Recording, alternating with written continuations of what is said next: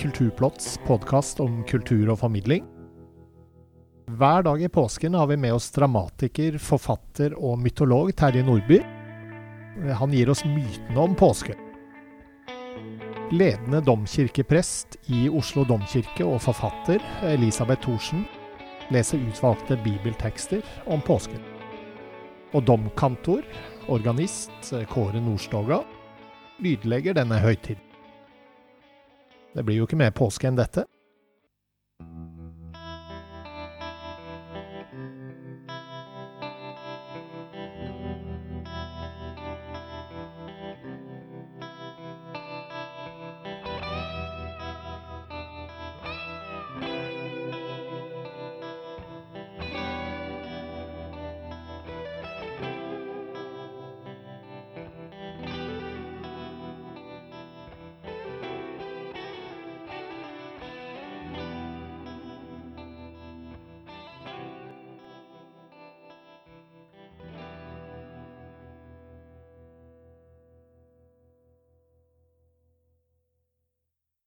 Det er onsdag i den stille uke. Eh, I går hørte vi om påskeharen. I dag skal vi høre om påskeegg. Eh, hvor kommer disse påskeeggene fra, eh, Terje? Ja, nå er det jo umiddelbart forståelig at et egg kan være symbol på vår. Eh, eggeskallet sprekker, og ut av det oppstår det nytt liv. Og dette har jo vært en veldig gammel mytisk forestilling som også går igjen i en del skapelsesmyter eh, rundt omkring i verden.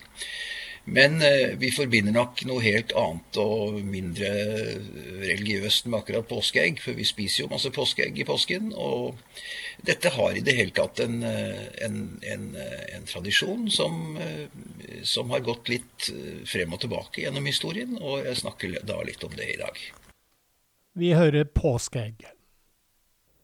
Man skulle tro at påsken hadde avfødt nasjonale mattradisjoner, slik jula har, men nei. Kostholdet viser så mye variasjon fra sted til sted at eneste fellestrekk er at den ble feiret med høytidsmat. Men ved påskefrokosten ble det alltid servert egg, det vil si når forrådet tillot det, og det vil igjen si for ikke særlig lenge siden. Tradisjonen er stort sett stedfestet til Sør-Norge de siste hundre år. Om dette skrev etnologen Lilly Weiser Aall, Påskeegg i Norge, kilder og problemer, i 1958. Før 1800 var det på steder med god fremkomst til byen et større hønsehold i Norge, men på denne tiden finnes intet vitnesbyrd om bruk av påskeegg. Fra omkring 1800 til 1900 var det så få høns at grunnlaget for alminnelig skikk med påskeegg savner forutsetning. Samtidig ble bruk av påskeegg kjent i by- og embetsmannsmiljø. Påskeegget på landet synes å ha vært overtatt derfra.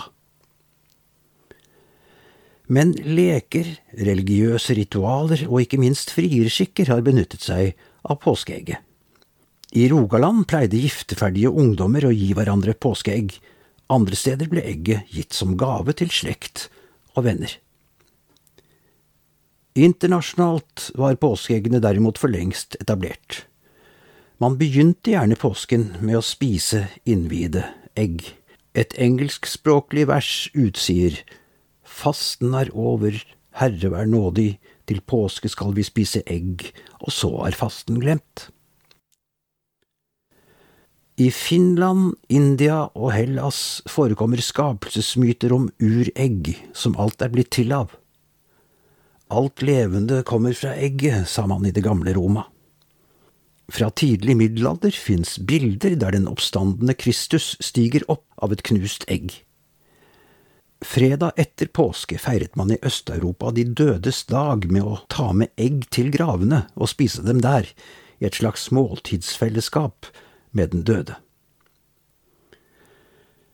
Det ble vanlig å fargelegge egget. Man kokte det i kaffe for å få det brunt, eller la løkskall i kokevannet for å oppnå gulfargen. Noen skrev navnetrekket sitt på det med vannfarger, og de riktig kreative tegnet landskaper og blomster. Farging av påskeegg forekom ute i Europa på 1200-tallet, og kom til Norge via Danmark med innflyttere og handelsforbindelser. I takt med velstandsutviklingen i etterkrigstiden ble det en populær aktivitet for barn å dekorere egget selv. I mellomtiden har kolonialbutikkene blitt overdynget av fargesterkt innpakkede og dekorerte marsipan- og sjokoladeegg. Et innslag så tungt at påskeegg i dag nok mest forbindes med søtsaker. Og bortsett fra Regnskogsfondets kampanje Krev påskeegg uten palmeolje i 2014, rettet mot Freias variant av påskeegg inneholdende 30% palmeolje, ser det ut til at denne tradisjonen ikke kommer til å bli særlig truet med det første. Vi har som vanlig med oss eh, prest og forfatter Elisabeth Thorsen. Eh, I dag er det onsdag, og eh, kan du si litt om hva du skal inn på i dag, Elisabeth? Ja, vi er jo kommet til onsdag i det vi kaller for Den stille uke, og i morgen er det skjærtorsdag. Og vi følger Matteusevangeliet sin påskefortelling. Og den følger ikke akkurat dagene sånn som Kirken har lagt opp påskefortellingen i sin liturgi. Men i dag så er vi i hvert fall kommet til eh, Getsemane hage, hvor Jesus ber disiplene om å våke og be sammen med ham. Vi hører Elisabeth Thorsen. Så kom Jesus sammen med disiplene til et sted som heter Getsemane, og han sa til dem, Sett dere her mens jeg går dit bort og ber. Han tok med seg Peter og de to Sebedeus-sønnene, og han ble grepet av sorg og gru. Da sa han til dem, Min sjel er tynget til døden av sorg. Bli her og våk med meg. Han gikk fram et lite stykke, kastet seg ned med ansiktet mot jorden og ba.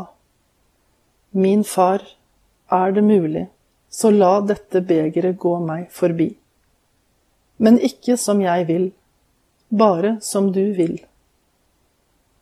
Da han kom tilbake til disiplene og fant dem sovende, sa han til Peter, Så klarte dere ikke å våke med meg en eneste time? Våk og be om at dere ikke må komme i fristelse. Ånden er villig, men kroppen er svak. Igjen, for andre gang, gikk han bort og ba.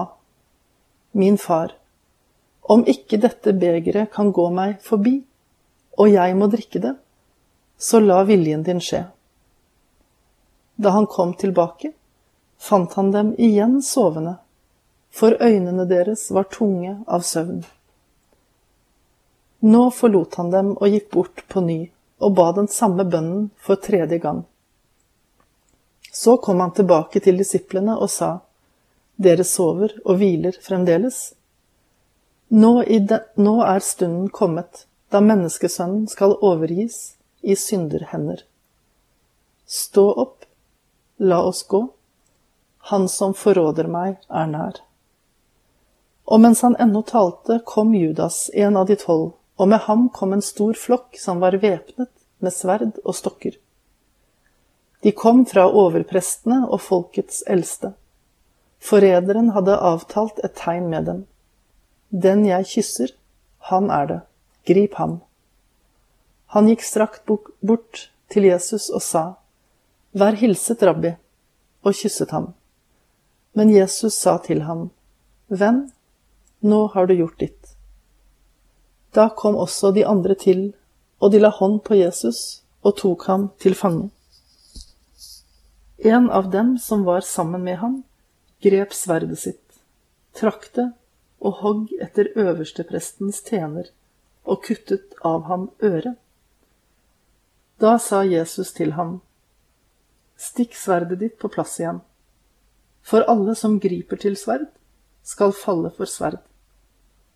Tror du ikke jeg kan be min far, og han ville straks sende meg mer enn tolv legioner engler? Men hvordan skulle da skriftene oppfylles, de som sier at dette må skje?